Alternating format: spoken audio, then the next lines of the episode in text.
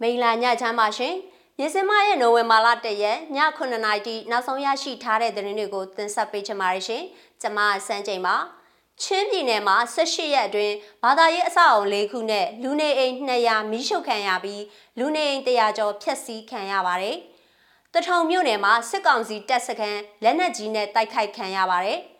စမီးမြို့မှာတက်ထောက်ခံပွဲပြုလုပ်မဲ့ရဲ့အတိအကျမပြောဘဲလူငယ်တွေကိုစုထားပြီးအသင့်ဆောင်နေကြဖို့စစ်ကောင်စီတပ်ကဖိအားပေးနေပါတယ်။ဒီသတင်းတွေအပါအဝင်ရွေးကောက်ပွဲမှာအနိုင်ရကြောင်းဂျပန်ဝင်ကြီးချုပ်ကြေညာတဲ့အကြောင်းအစရှိတဲ့ပြည်တွင်းနဲ့နိုင်ငံတကာသတင်းတွေကိုတင်ဆက်ပေးပါရမယ်ရှင်။ချင်းပြည်နယ်ကသတင်းနဲ့စလိုက်ချင်ပါတယ်။ ချင်းပြည်နယ်အတွင်းမှာအောက်တိုဘာလ12ရက်ကနေ29ရက်ထိရက်ပေါင်း18ရက်အတွင်းဘာသာရေးအဆောက်အုံ၄ခုနဲ့လူနေအိမ်200မီးရှို့ခံရပြီးလူနေအိမ်109အိမ်ဖျက်ဆီးခံရကြောင်းချင်းပြည်နယ်အတွင်းရှိကာကွယ်ရေးတပ်ဖွဲ့တွေရဲ့စုပေါင်းထုတ်ပြန်ချက်ရသိရပါဗျ။ချင်းပြည်နယ်တွင်စစ်ကောင်စီတပ်ဖွဲ့တွေကမီးရှို့ဖျက်ဆီးလူရဲမှုတွေနဲ့ပတ်သက်ပြီးချင်းအမျိုးသားတပ်ဦး CNF ချင်းအမျိုးသားတပ်မတော် CNA နဲ့ချင်းအမျိုးသားကာကွယ်ရေးတပ်ဖွဲ့18ဖွဲ့ကပူးပေါင်းထားတဲ့ Chinland Joint Defense Committee ကအောက်တိုဘာလ31ရက်မှာထုတ်ပြန်ထားတာပါ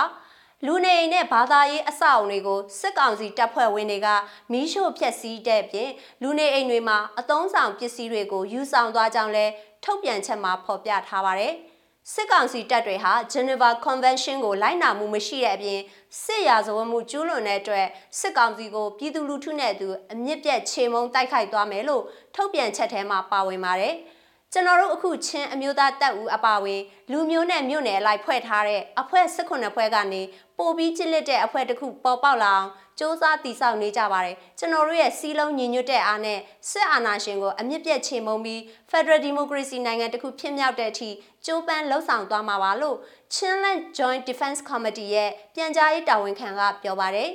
Chinland Joint Defense Committee ကိုစက်တင်ဘာ30ရက်မှာမြို့နယ်ဒေသလိုက်ကာကွယ်ရေးတပ်ဖွဲ့တွေဖြစ်တဲ့ CDF တွန်းဆန် ZFU PDF ဇိုလန် CNO CNDF CDF ဟာခါ CDF ထန်တလန် CDF မတူပီ CDF မင်းတန် CDF ကံပလက် CDF ပလက်ဝ CDF KKG CDF ဒိုင် CDF ဇုံသွန် MPC CDF မရာ CDF လောက်တူ CDF ဇုံဖေး CDF ဟွာငုံနဲ့ချင်းအမျိုးသားတပ်ဦး CNF တို့နဲ့ဖွဲ့စည်းထားတာဖြစ်ပါတယ်ရှင်။တထုံမျိုးကသတင်းနဲ့ဆက်ချင်ပါတယ်။မွန်ပြည်နယ်တထုံမြို့ကော့လိုင်းကြီးရွာထီးမင်္ဂလာကျောင်းဤတက်ဆွဲထားတဲ့စစ်ကောင်စီတပ်ကိုလက်နက်ကြီးတွေဖြစ်တဲ့ RPG နှလုံး89မမ3လုံးနဲ့ဝင်ရောက်ပစ်ခတ်တိုက်ခိုက်ခဲ့ကြောင်းတထုံပြည်သူပျောက်ကြားတပ်ဖွဲ့တာဝန်ရှိသူတို့ကမြစ်စမကိုအတည်ပြုပြောပါရယ် ကရင်အမျိုးသားအစည်းအရုံး KNU လက်အောက်ခံ KNLA တပ်မဟာတင်နဲ့တထုံပြည်သူပျောက်ကြားတပ်ဖွဲ့တို့ပူးပေါင်းပြီးအဲ့ဒီတပ်စခန်းကိုအောက်တိုဘာလ31ရက်နေ့မွန်းလွဲ2နာရီခန့်ကဝင်ရောက်တိုက်ခိုက်ခဲ့တာဖြစ်တယ်လို့သူကပြောပါတယ်မိနစ်90လောက်ပဲကြာမယ်အပြန်လန်ပြစ်တာမဟုတ်ဘူးဘာလို့ရတော့မသိဘူးသူတို့ပြန်မပြစ်ဘူးလို့တထုံပြည်သူပျောက်ကြားတပ်ဖွဲ့တာဝန်ရှိသူတဦးကမြင်းစမကိုပြောပါတယ် အဲ့လိုပြစ်ခတ်တိုက်ခိုက်ခံရမှုကြောင့်စစ်ကောင်စီတပ်သားတွေထိခိုက်ဒေဆုံးမှုတွေရှိခဲ့ပေမဲ့လည်းအရေးအတွက်ကိုမတိရသေးကြောင်းနဲ့ဒေသခံပျောက်ကြားတပ်နဲ့ KNLA ဘက်ကအထိခိုက်အကြဆုံးမရှိခဲ့ကြောင်းသူကပြောပါတယ်။အဆိုပါတိုက်ခိုက်ခံရတဲ့တပ်စခန်းမှာစစ်ကောင်စီတပ်ဖွဲ့ဝင်အင်အား90ကျော်ခန့်ရှိနေပြီးထီးမိန်လာကြောင်းဒီပြီးခဲ့တဲ့အောက်တိုဘာလ24ရက်နေ့ကစတင်လာရောက်တပ်ဆွဲခဲ့တာဖြစ်ကြောင်းသိရပါဗျ။ဒီနေ့တော့သူတို့နေရာပြောင်းသွားပြီလို့သိရတယ်။ အထီးခိုက်တော့မသိရသေးပါဘူးလို့တထုံပြည်သူပျောက်ကြားတပ်ဖွဲ့ရဲ့တာဝန်ရှိသူကပြောပါရရှင်။စမီးမျိုးကသတင်းကိုလည်းတင်ဆက်ပေးချင်ပါတယ်။ချင်းပြည်နယ်စမီးမြို့မှာတပ်ထောက်ခံပွဲပြုလုပ်ဖို့နိုဝင်ဘာလ၁ရက်နေ့ကိုမူလကယာထားပေမဲ့လည်းမီဒီယာတွေမှာသတင်းပြန့်နှံ့လာလို့ထောက်ခံပွဲပြုလုပ်မဲ့ရဲ့အတိအကျမပြောဘဲအသင့်အနေထားနဲ့လူစုထားကြဖို့စစ်ကောင်စီတပ်ကဖိအားပေးနေကြောင်းဒေသခံတွေစီကသိရပါဗျ။ အဆိုပါထောက်ခံပွဲကိုတက်ကြီးရွယ်အိုတွေမလာဖို့နဲ့လူငယ်တွေကိုသာအဓိကထားပြီးတက်ထောက်ခံပွဲမှာပါဝင်ဖို့ဖိအားပေးနေတာဖြစ်ပါတယ်။ဗျူဟာမှုအုပ်ချုပ်ရေးမှုအဖွဲ့တွေက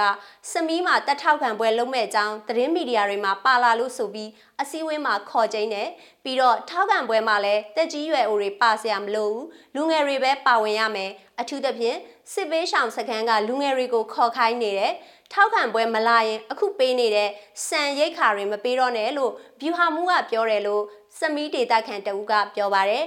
အဆိုပါစစ်ပေးရှောင်တွေကိုထောက်ပံ့ပေးနေတဲ့စံရိတ်ခါတွေဟာစစ်ကောင်စီအစိုးရကထောက်ပံ့နေတဲ့ရိတ်ခါတွေမဟုတ်ပဲကမ္ဘာစားနပ်ရိတ်ခါအဖွဲ့ WFP ကထောက်ပံ့ပေးထားတဲ့စံရိတ်ခါတွေသာဖြစ်တယ်လို့သိရပါတယ်။စမီးမြို့မှာရက်ွက်3ခုနဲ့စစ်ဆောင်စခန်း3ခုမှာစစ်ဆောင်သူဦးရေ3000ဝန်းကျင်နေထိုင်ကြကြောင်းသိရပါတယ်ရှင်။ နိုင်ငံတကာဘက်မှာတော့ဂျပန်ဝင်ကြီးချုပ်ဖူမီယိုခီရှီဒါက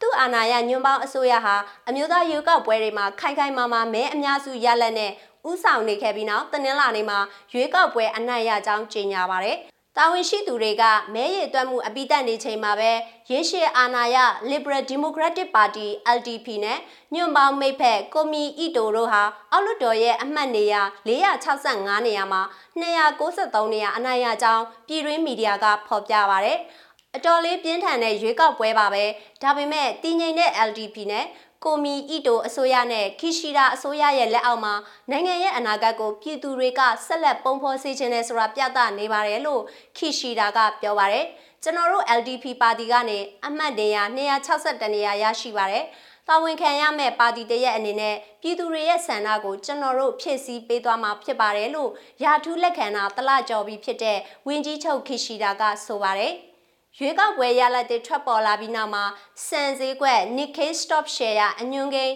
နှစ်ရာခိုင်နှုန်းကျော်ထိုးသက်ခဲ့ပါတယ်။အာဏာရအဖွဲ့အနေနဲ့မဲအနိုင်ရလက်ကြောင့်ကပ်ပေးတွင်စီးပွားရေးစစ်စော်မှုကနေအစိုးရအုံစရိတ်တွေထိဥပဒေချမ်းပြုနိုင်ပြီဖြစ်ပါတယ်။အာဏာရညွန့်ပေါင်းဖွဲ့အနေနဲ့လွှတ်တော်မှာအရင်ကအမှတ်နေရာ305နေရာရရှိထားတာဖြစ်ပါတယ်။